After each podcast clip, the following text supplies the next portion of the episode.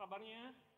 Boleh kalau yang lagi sama teman-teman komselnya di Zoom boleh di chat temennya ya apa kabar gitu ya.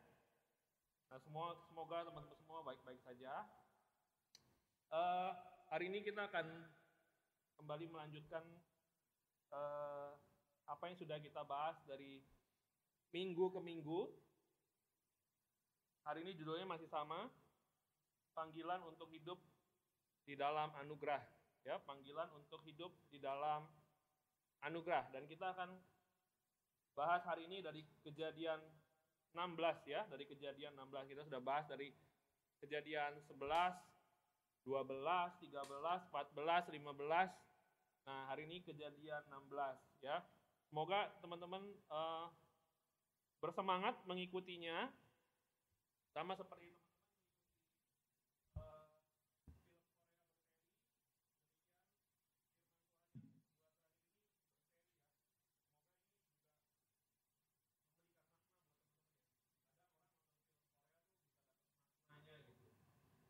belajar loh dari film Korea yang ini ya tapi biarkan juga lewat firman Tuhan kita uh, belajar apa yang ingin Tuhan sampaikan dan menjadi makna dalam hidup kita oke nah mari kita berdoa terlebih dahulu Bapak di surga uh, untuk kami mengerti kebenaran pun kami butuh roh kudus oleh sebab itu kami minta roh hikmat dan wahyu untuk mengenalmu dengan benar sehingga kami dapat mengerti kemuliaan yang tersimpan bagi hidup kami melalui kematian dan kebangkitanmu.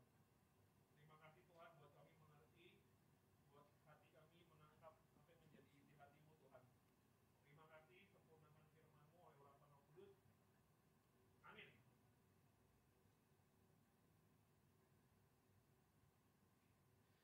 Oke, nah teman-teman, kita udah belajar dari kemarin ya, sekarang kejadian 16.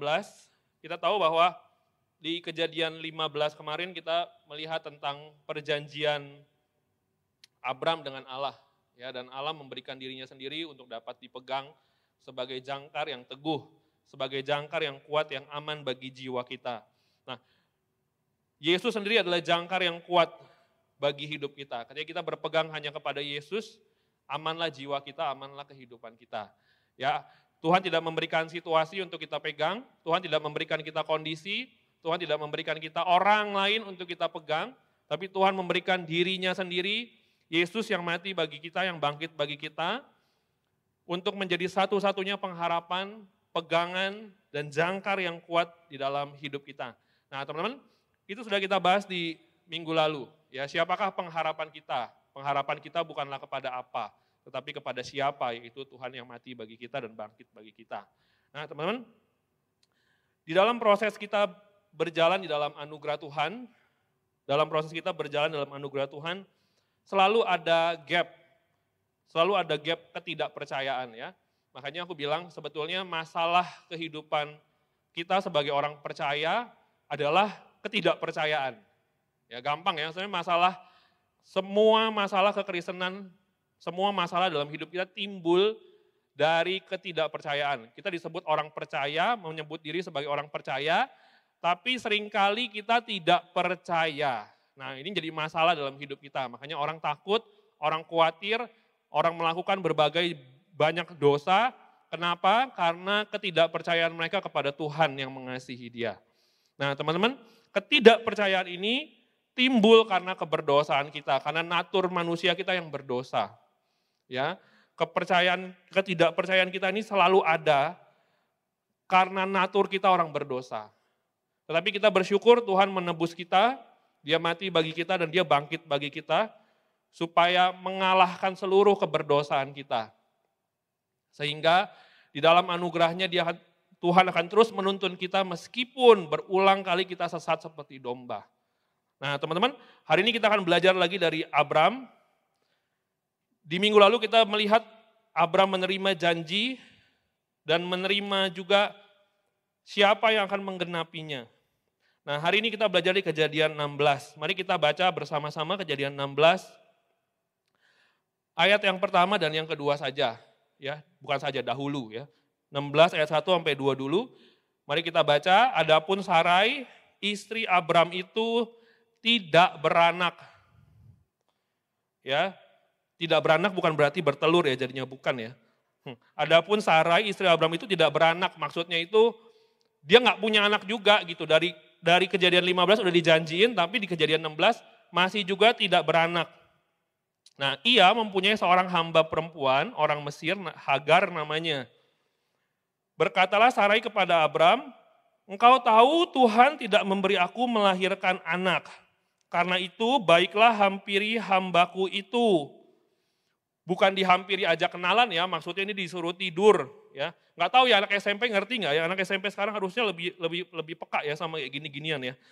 Dia bilang, karena itu baiklah hampiri hambaku itu. Ya, artinya tidurlah bersama dengan hambaku itu, bersetubuhlah dengan hambaku itu. Mungkin oleh dialah aku dapat memperoleh seorang anak. Ya. Dan apa? Abraham apa? Abram mendengarkan perkataan Sarai. Nah ini cowok-cowok ya gitu ya. Istrinya bilang gini, kawinlah gitu sama perempuan yang lain gitu. Makanya cowok-cowok emang dasarnya ya belang ya, nggak pakai mikir ya. Dan Abram mendengarkan perkataan Sarai. Mungkin dia pikir gini, ide yang sangat bagus nih kayaknya ya.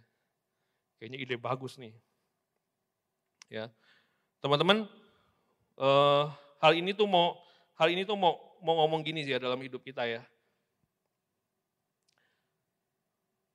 Perkataan siapakah yang lebih kita sering dengar ya? Perkataan manusia atau perkataan Tuhan?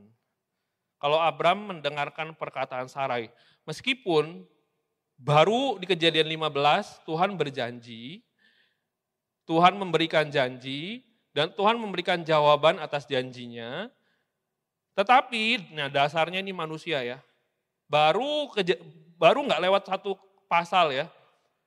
Abram ini error lagi. Error lagi. Seharusnya kalau dia ingat sama janji Tuhan dalam hidup dia kemarin, dia tidak akan mendengarkan perkataan Sarai. Benar ya? Tapi ini dasarnya manusia nih, dasarnya hidup kita nih kayak gitu. Ya natur natur dosa kita yang menyebabkan kita seperti itu. Nggak bisa dipegang, ya nggak bisa nggak bisa kuat, nggak bisa uh, firm, nah itu karena natur dosa kita.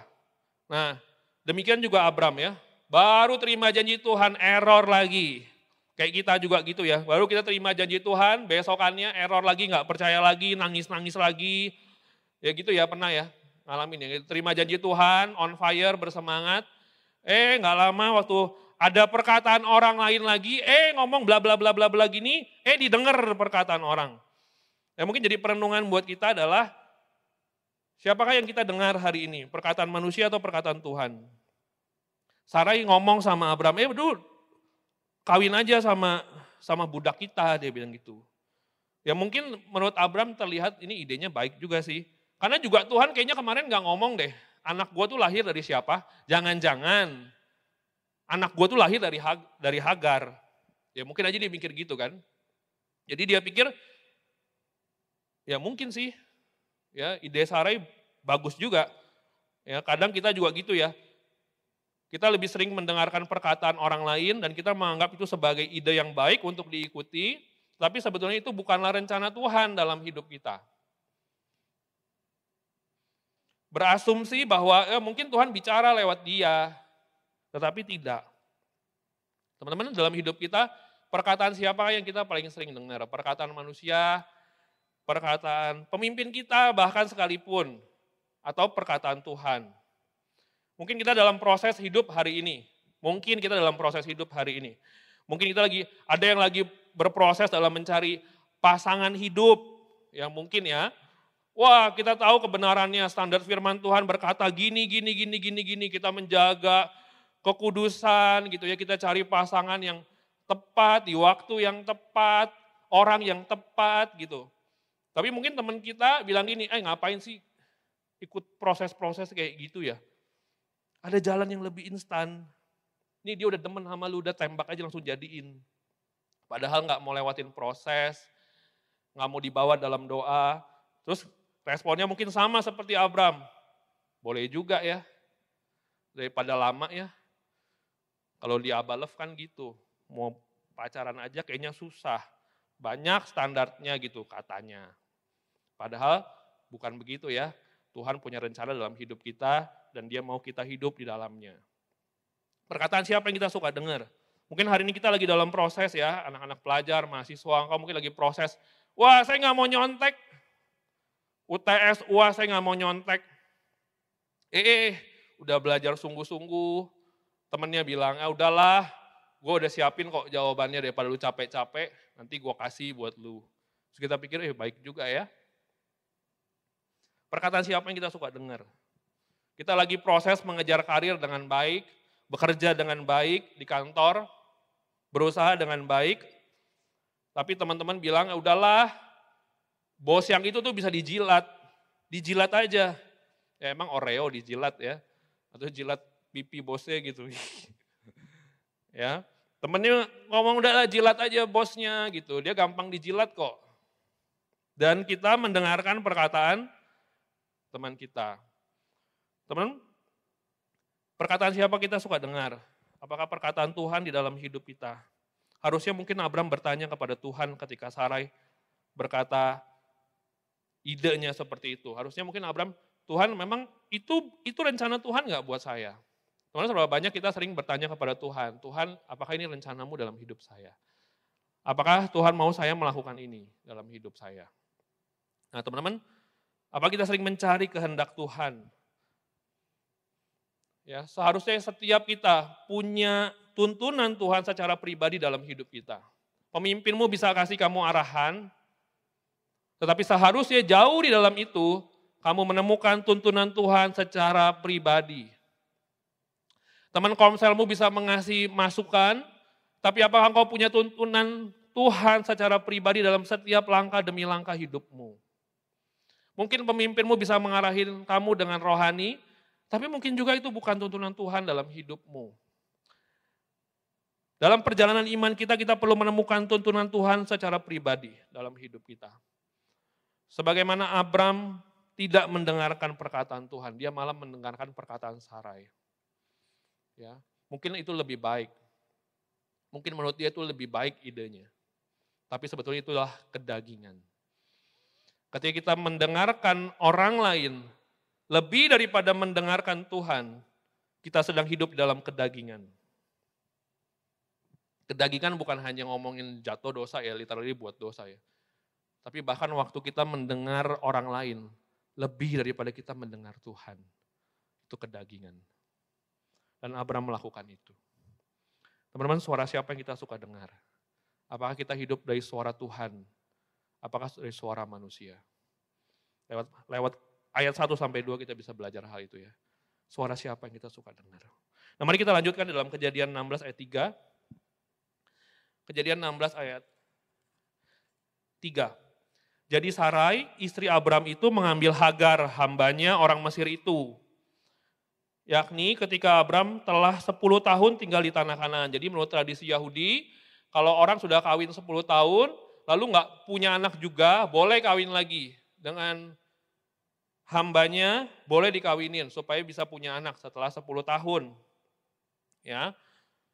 Nah, kita lihat di sini, Sarai istri Abram itu mengambil Hagar hambanya orang Mesir itu, yakni ketika Abram telah 10 tahun tinggal di tanah Kanaan. Lalu memberikannya kepada Abram suaminya untuk menjadi istrinya. Gila juga ya ini ya. Jadi dia ambil budaknya, Alkitab bilang dibawa ke si Abram, dia mau mungkin ditarik gitu ya, tangannya ditarik gitu ya, dia bilang, nih, lu tidur nih sama dia malam ini. Oh, gila juga ini cewek ya sebenarnya kalau dipikir-pikir ya. Ini istrinya nih emang kedagingan juga nih, paling kedagingan. Sama seperti Hawa yang ngambil buah kemudian dia kasih ke Adam. Kedagingan. Ya. Dan Sarah ini maunya jalan pintas dia nggak sabar sama janji Tuhan, mana yang dia pikir baik, makanya kadang gitu ya cewek-cewek ya suka ngeliat, ini baik kayaknya, ini baik, ini baik, ini baik gitu. Nah Abraham gitu ya, eh Sarai gitu ya, dia lihat wah kayaknya Tuhan lama nih ya. Prosesnya kayaknya panjang dan melelahkan. Kayaknya mendingan gue langsung pakai jalan pintas ya, makanya ditarik nih si Hagar. Nih lu kawin nih, malam ini juga, cepet. Gila kan makanya. Nah mari kita lanjutkan ya. Lalu berkatalah Sarai, eh enggak ayat 4 ya. Kemudian Abram menghampiri Hagar, ya dikasih ya kucing, dikasih ikan ya mau-mau aja ya. Langsung nggak pakai babi bu bebo, langsung menghampiri Hagar. Ini bukan menghampiri kenalan ya, bukan ya. Ini langsung tidur ya. Lalu mengandunglah perempuan itu. Ketika Hagar tahu bahwa ia mengandung, maka ia memandang rendah akan nyonyanya itu. Mungkin si Hagar langsung pas tahu gitu ya dia hamil, dia langsung gini, wah ternyata emang yang susah punya anak itu si nyonya. Ini si kakek ini, si Abraham ini masih masih segar bugar tuh. Gua bisa hamil tuh, nah berarti nih masalahnya ada pada si Sarai. Nah makanya mungkin dia ngenyek gitu ya sama si Sarai ya. Dia kan bilang, ia memandang rendah akan nyonyanya itu ya, memandang rendah. Mungkin dia gimana ya, gue juga gak ngerti ya. Gak dijelasin, mungkin dia eh, cuih gitu, mandul ya dasar jijik gitu ya. Mungkin mungkin gitu ya, nyinyir-nyinyir kayak sinetron gitu ya. Gak ngerti deh gimana ya. Atau mungkin dia ngomong-ngomong gitu ke orang, ke tetangga-tetangga. Tuh dia tuh yang gak bisa punya anak tuh gitu ya. Jadi, nah kita lihat di ayat yang kelima. Lalu berkatalah Sarai kepada Abram, penghinaan yang kuderita ini adalah apa? Tanggung jawabmu. Gila juga ya ini cewek ya. Dia yang bawa si Hagar ke Abram, kemudian Hagarnya hamil, kemudian Hagarnya itu menghina si Sarai, si Sarai bilang gini, lu tahu nggak gua nih digini ini itu tanggung jawab lu dia bilang. Terus yang lucu lagi, ayatnya bilang begini, Akulah yang memberikan hambaku ke pangkuanmu. Lucu nggak? Habis dia bilang ini, ini itu salah lu. Kalau kalau kalau teman-teman lihat dari terjemahan Indonesia yang lain ya, dia ngomong itu tanggung jawabmu, dia nggak ngomong begitu. Dia ngomong itu salahmu, dia bilang. Tapi habis dia bilang itu tanggung jawabmu, terus dia bilang ini, akulah yang memberikan hambaku ke pangkuanmu. Ini orang udah error ya sebenarnya ya. Udah jelas-jelas dia yang dia sendiri dia tahu ya, dia memberikan hambanya ke Abram. Tapi dia bilang itu tanggung jawabmu. Memang ya laki-laki ya selalu salah ya. Teman tahu nggak? Kenapa? Coba ya lihat ya di slide berikutnya ya. Ya kenapa ya di toilet ya? Cowok selalu di kiri, cewek selalu di kanan ya. Nah nih, kenapa ya cewek selalu di kanan ya? Man to the left. Because apa? Woman are always right. Ya. Cowok tuh selalu di kiri. Kenapa? Cewek selalu benar. Kalau ceweknya salah, lihat apa? Peraturan nomor satu ya. Cewek selalu benar. Makanya lihat di dalam hubungan yang paling suka minta maaf siapa? Cowoknya ya. Padahal ceweknya baru manyun sedikit gitu. Cowoknya, sorry, sorry, sorry, sorry, sorry ya.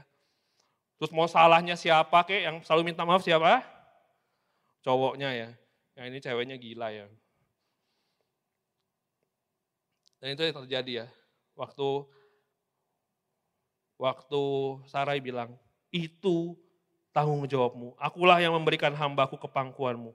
Tapi baru saja ia tahu bahwa ia mengandung yang ia memandang rendah akan aku. Tuhan kiranya menjadi hakim antara aku dan engkau. Ayat 6.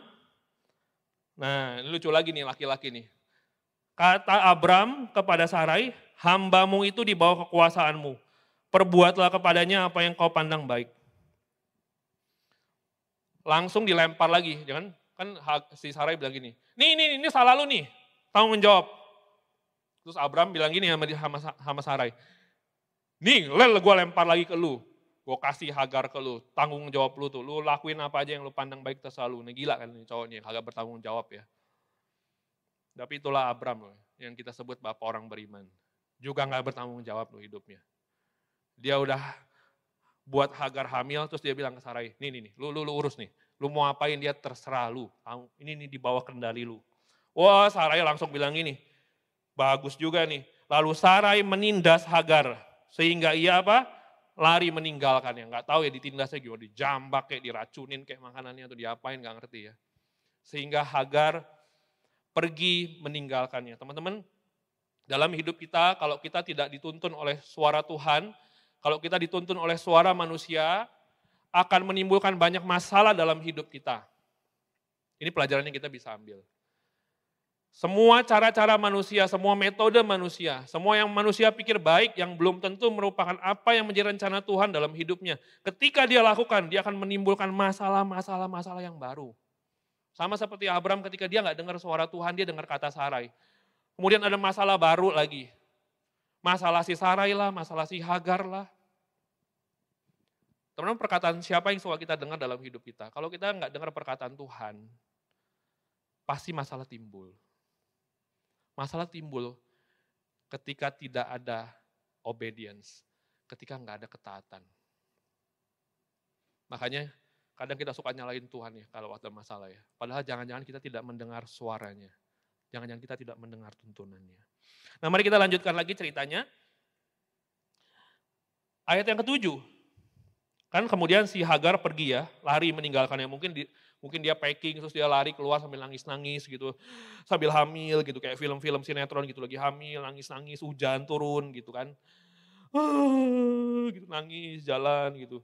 Petir kemudian menyambar jeger gitu terus dia tetap nangis gitu. Nah, ayat ketujuh. Lalu malaikat Tuhan menjumpainya dengan dekat suatu mata air di padang gurun. Yakni dekat mata air di jalan ke Syur. Katanya, Hagar, hamba Sarai. Dari manakah datang mu dan ke manakah pergimu?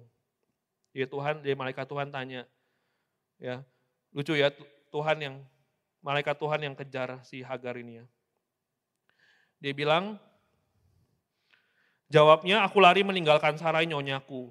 Lalu kata malaikat Tuhan itu kepadanya, kembalilah kepada nyonyamu, biarkan kau ditindas di bawah kekuasaannya.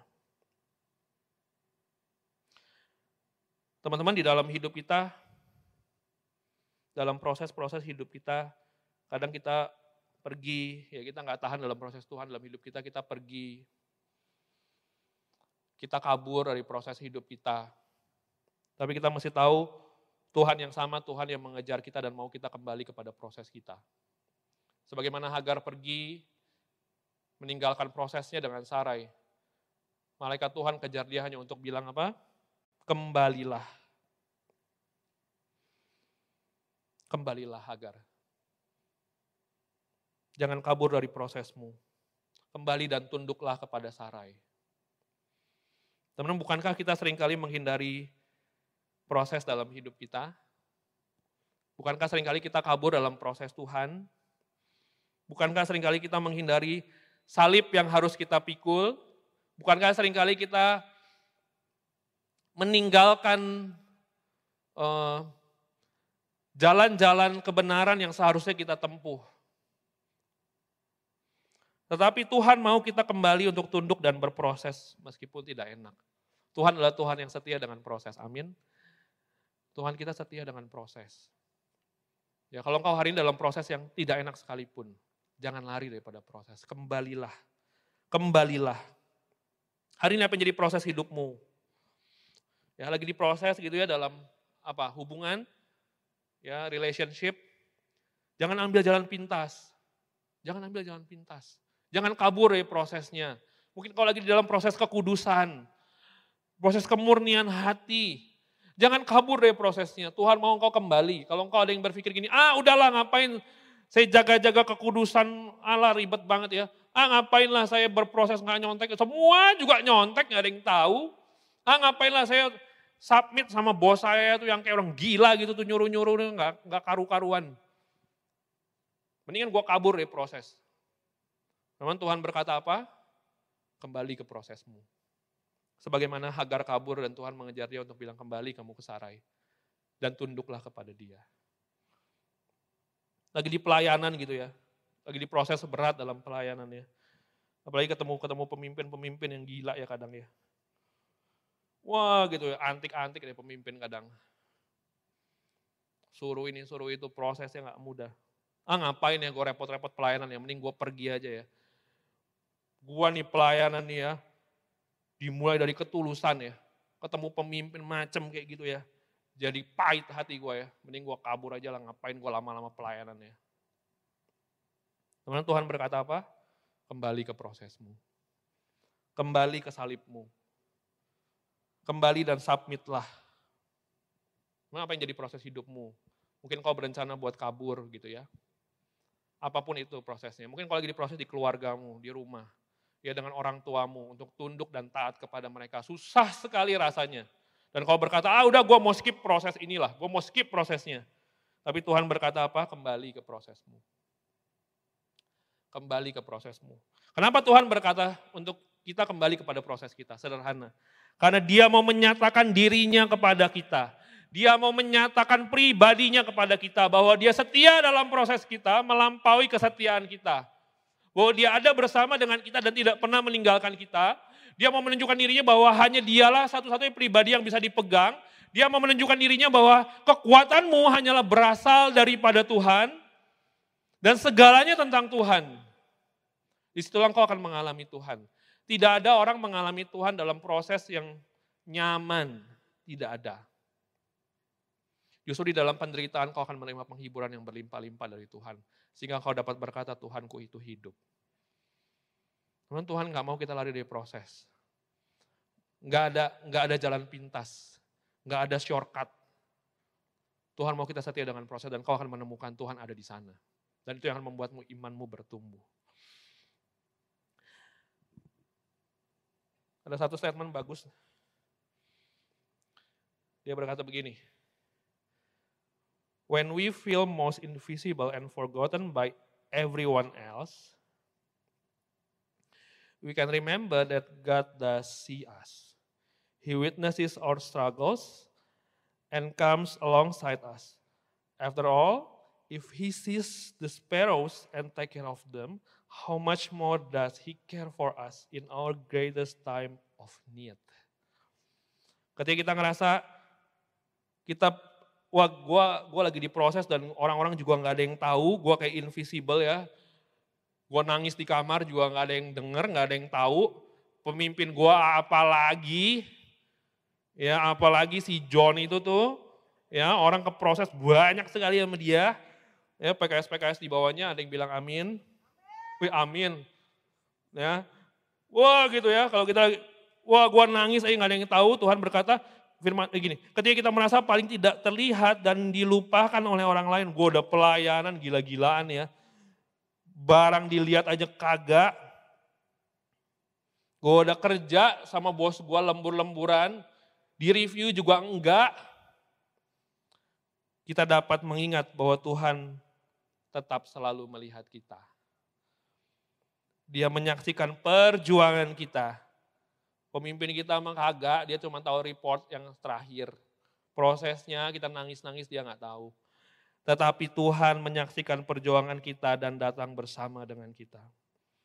Jika Tuhan melihat burung pipit dan merawat mereka, betapa dia lebih peduli pada saat di waktu-waktu kita paling membutuhkan. Amin teman-teman. Apa pun proses hidupmu hari ini. Berjuang sendirian, nggak apa-apa. Ada Tuhan di sana. Waktu kau merasa dilupakan oleh orang, pemimpinmu, bosmu, keluargamu nggak nganggap. Ada Tuhan di sana ingat kamu. Kalau dia kalau dia lihat burung pipit dan dia pelihara, apalagi hidup kita di saat kita membutuhkannya. Amin teman-teman.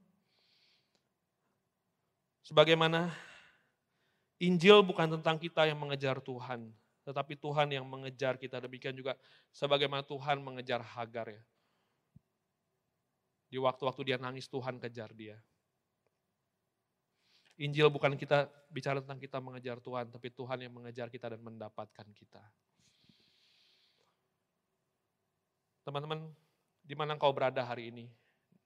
Kau lagi kabur, kau lagi nangis, lagi invisible, lagi tidak mau dilihat orang, tidak mau disentuh, kau nggak bisa tolak sentuhan tangan Tuhan yang lembut di dalam hatimu. Mungkin kau nggak mau disentuh sama pemimpinmu, sama pembinamu. Mungkin kau nggak mau disentuh dengan teman komunitasmu. Kau nggak akan pernah bisa tolak tangan kasih yang menyentuh hidupmu. Tangan kasih yang menyambut engkau. Yang mengejar engkau. Hari ini apa pun keadaanmu, mari berespon kepada Tuhan yang mengejarmu. Amin. Nah mari kita lanjutkan. Ayat yang berapa tadi ya? Ayat 10 lagi kata malaikat Tuhan kita habiskan ya ayat 10 sampai 16. Lagi kata malaikat Tuhan itu kepadanya, aku akan membuat sangat banyak keturunanmu sehingga tidak dapat dihitung karena banyaknya. Selanjutnya kata malaikat Tuhan itu kepadanya, engkau mengandung dan akan melahirkan seorang anak laki-laki dan akan menamainya Ismail. Sebab Tuhan telah mendengar tentang penindasan atasmu itu. Seorang laki-laki yang lakunya seperti keledai liar, demikianlah nanti anak itu. Tangannya akan melawan tiap-tiap orang dan tangan tiap-tiap orang akan melawan dia dan di tempat kediamannya ia akan menentang semua saudaranya. Ayat 13, kemudian Hagar menamakan Tuhan yang telah berfirman kepadanya itu dengan sebutan engkaulah El Roy. Sebab katanya bukankah di sini kulihat dia yang telah melihat aku? Sebab itu sumur tadi disebutkan orang, sumur Lahai Roy, letaknya antara Kades dan Beret. Lalu Hagar melahirkan seorang anak laki-laki bagi Abram, dan Abram menamai anak yang dilahirkan Hagar itu Ismail. Abraham berumur 86 tahun ketika Hagar melahirkan Ismail baginya. Teman-teman, Hagar berkata, apa? Engkaulah El Roy. Sebab katanya, bukankah di sini kulihat dia yang telah melihat aku. Teman-teman, di manakah engkau? Dapatkah engkau berkata, Tuhan engkaulah El Roy. Sebelum aku melihat engkau, engkau telah melihat dan menemukan aku. Dapat kita berkata dalam hidup kita, Tuhan kau Elroy di hidup saya. Meskipun saya nggak bisa lihat siapa pun, saya nggak bisa temukan siapa pun. Tapi engkau melihat proses hidup saya. Kau melihat proses hidupku dan kau bersama-sama dengan aku. Itulah Tuhan El Roy dalam hidup kita. Teman-teman, apakah inti daripada cerita ini? Apakah inti daripada cerita ini? Mari kita lihat di Galatia 4 ayat 24. Galatia 4 ayat 24. Galatia 4 ini menceritakan tentang Hagar dan Sarai di dalam perjanjian baru. Ya. Dan disamerikan, disimpulkan seperti ini. Ini adalah suatu kiasan. Suatu apa? Kiasan. Sebab kedua perempuan itu adalah dua ketentuan Allah. Ayatnya mau ngomong gini. Ceritanya Hagar dan Sarai itu sebuah kiasan. Sebuah cerita yang ingin mengeluarkan sebuah makna. Apa maknanya? Maknanya adalah gini.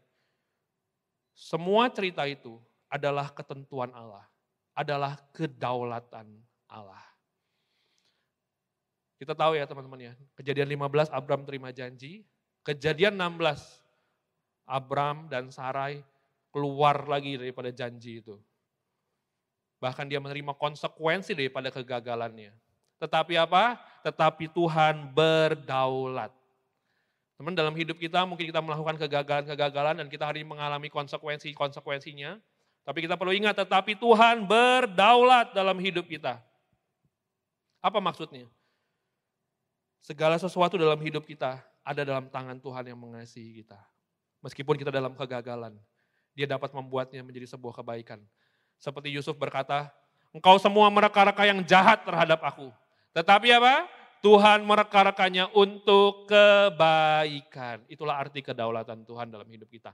Kita bisa ngalamin keputusan-keputusan yang buruk dan konsekuensinya hari ini kita lagi alami, kita lagi dalam keadaan yang paling tidak enak, yang kita nggak mau juga ada di sana, kita lagi ada dalam proses yang tidak menyenangkan, tetapi Allah berdaulat dalam hidup kita. Dia bisa membuat semua hal yang terkesan tidak baik untuk kebaikan di dalam hidup kita. Itulah Injil di dalam hidup kita. Di dalam kasih Allah, kematian dan kebangkitannya. Dia mengubahkan seluruh cerita kehidupan kita menjadi baik. Amin. Teman-teman, apa pun keadaanmu hari ini, Percayalah engkau ada dalam tangan Tuhan yang berdaulat yang mengasihi engkau. Ada pengharapan baru dalam hidupmu. Mungkin kau berkata, aduh kayaknya udah buntu ya. Aduh kayaknya udah stuck ya. Aduh kayaknya salah nih gua kemarin ambil keputusan ini. Tapi dengar baik-baik. Di dalam kematian dan kebangkitannya membuat kita punya pengharapan yang baru. Kalau Tuhan yang mati, kemudian dia bangkit. Kita yang hari dalam keadaan yang mati sekalipun. Kita bisa juga dibangkitkan karena kematian dan kebangkitannya apalagi pengharapan kita yang hanyalah sebagian kecil dari rencana Tuhan dalam hidup kita. Dia dapat membuat pengharapan-pengharapan yang baru dalam hidupmu. Amin, apa pun keadaanmu hari ini. Sama seperti Yusuf, dia dapat berkata, engkau mereka-reka yang jahat dalam hidupku. Tapi Tuhan mereka-rekanya untuk kebaikan. Ada satu statement yang bagus dari Charles Spurgeon.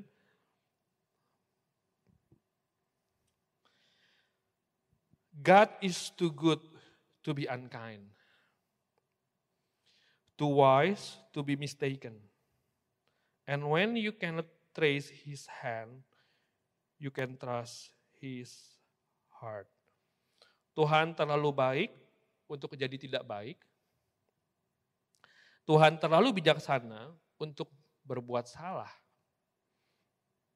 Dan ketika kita tidak bisa melihat pekerjaan tangannya dalam hidup kita, kita dapat percaya kepada hatinya.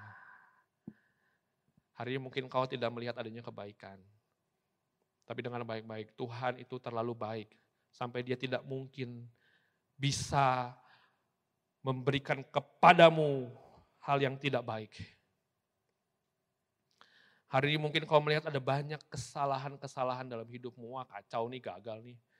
Tapi dengar, God is too good to be unkind and too wise to be mistaken. Dia terlalu bijaksana sehingga dia nggak bisa buat sebuah kesalahan dalam hidupmu. Ya, mungkin kau berkata, nggak tahu ya, gue nggak bisa lihat itu sih. Gue nggak bisa lihat sih apa yang terjadi. Ya, tapi lu bisa percaya kepada hatinya.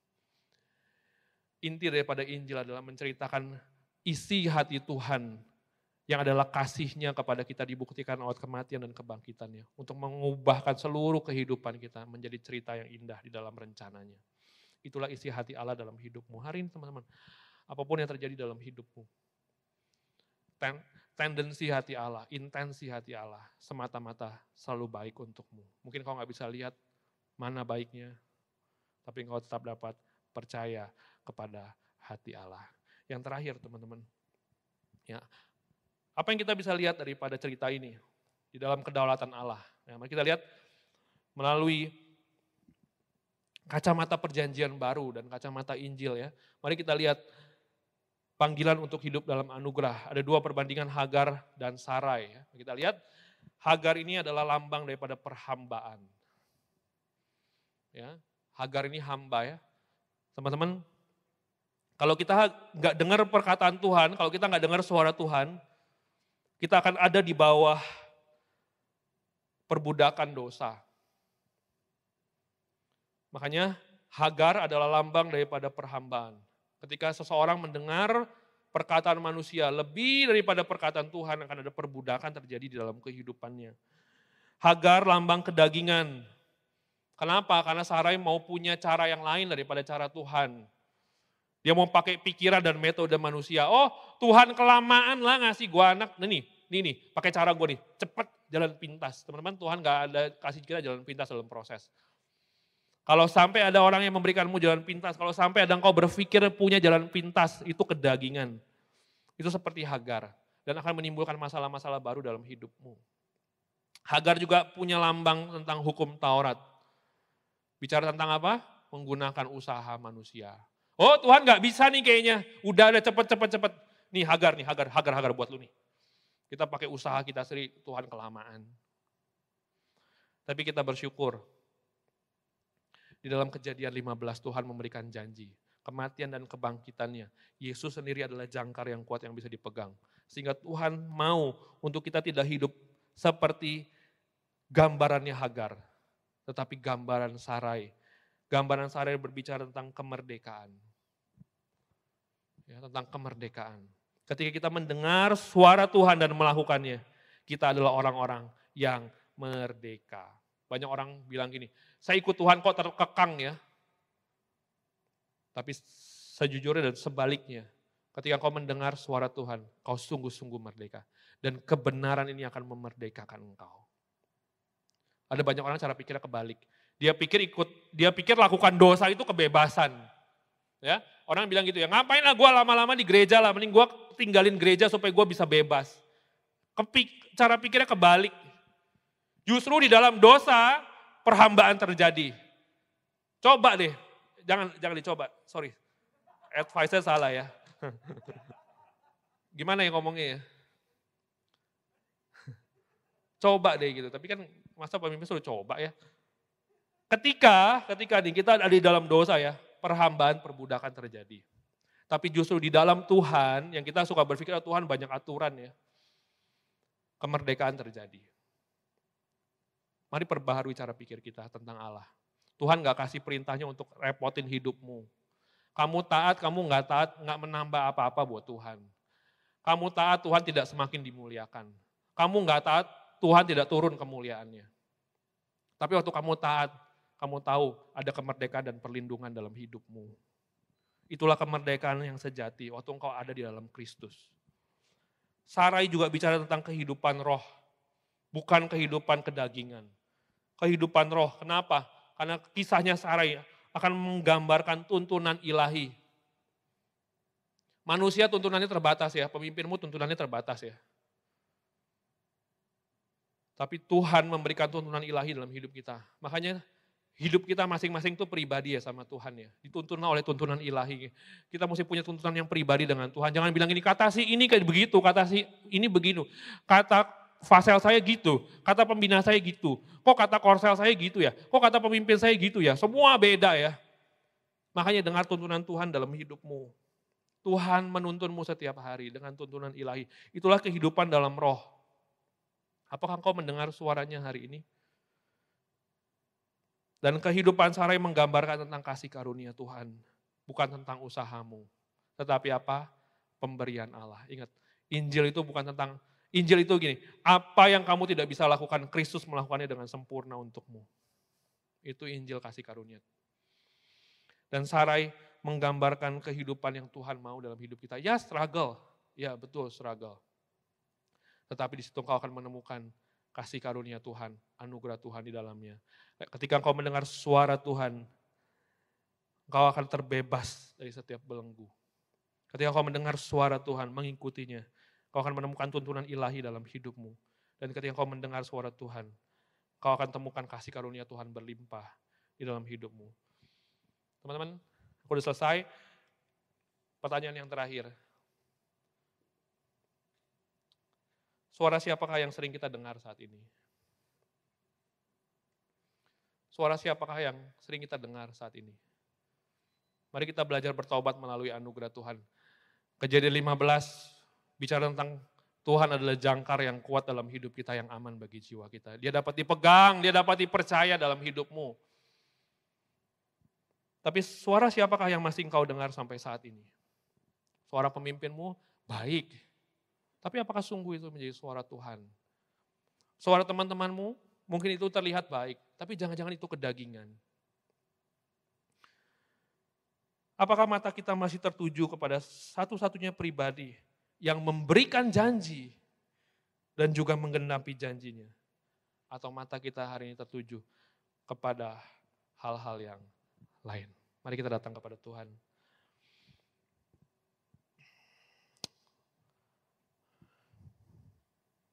Suara siapakah yang kau dengar hari ini? Apakah engkau hidup karena suara orang lain? Penilaian orang lain. Tuntutan orang lain. Advice orang lain.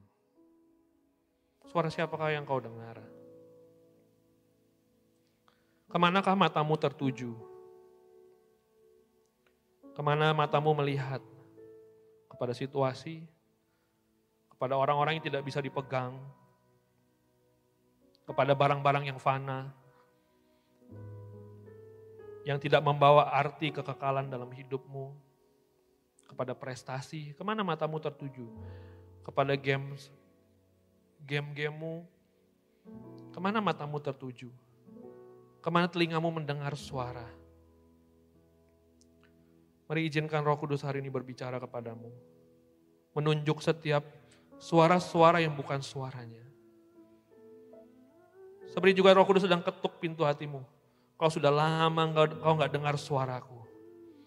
Kau banyak dengar suara pemimpinmu, tapi kau tidak pernah mencari aku dan mendengar suaraku. Ada aku merasa ada anak-anak Tuhan hari ini.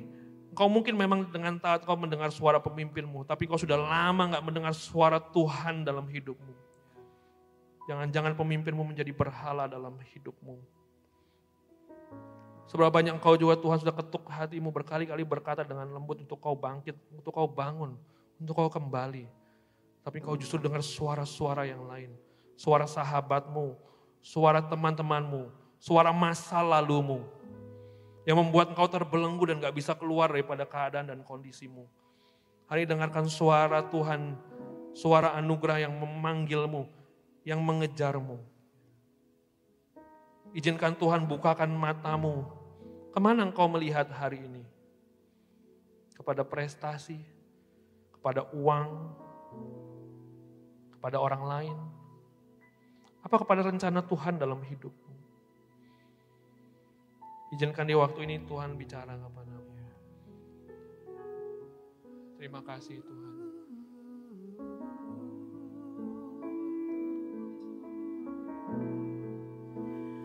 hanya dekat kepadamu. Aku rasakan tenang Hanya dalam hadiratmu. Ku rasa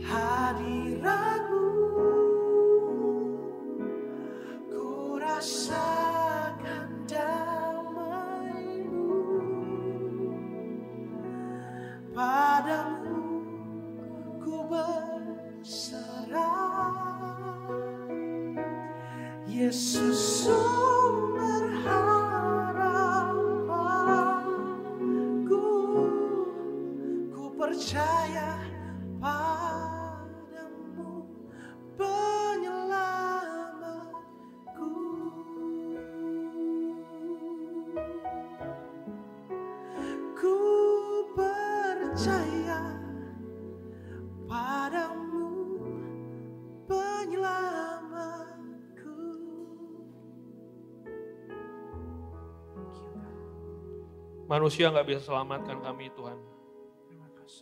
Situasi, orang, uang, prestasi, apa kata orang, pelayanan sekalipun, gak bisa memberikan kami damai sejahtera, sukacita roh kudus, kebenaran, gak bisa memberikan kami, membawa kami kepada kekekalan. Oleh sebab itu Tuhan, perbaiki cara cara pandang mata kami Tuhan, melihat Engkau dan melihat kehidupan ini. Supaya waktu kami melihat Engkau Tuhan, kami menemukan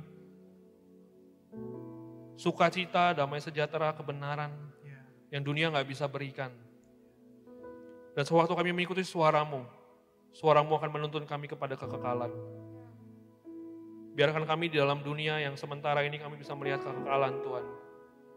Jadi generasi yang bukan hidup daripada kesementaraan, tapi melihat jauh sampai kepada kekekalan. Dan itulah yang menjadi kehendakmu dalam hidup kami. Terima kasih bahwa kami mengenalmu lebih dalam dari hari ke hari. Kuasa kematian dan kebangkitanmu menjadi dorongan yang kuat untuk kami mengalahkan setiap tantangan dan pencobaan dalam hidup ini. Terima kasih Tuhan kami aman dalam tangan satu pribadi yang paling mengasihi kami. Yang menyerahkan dirinya bagi kami dan akan menuntun kami sampai selama-lamanya. Dalam nama Yesus kami telah berdoa. Amin. Amin.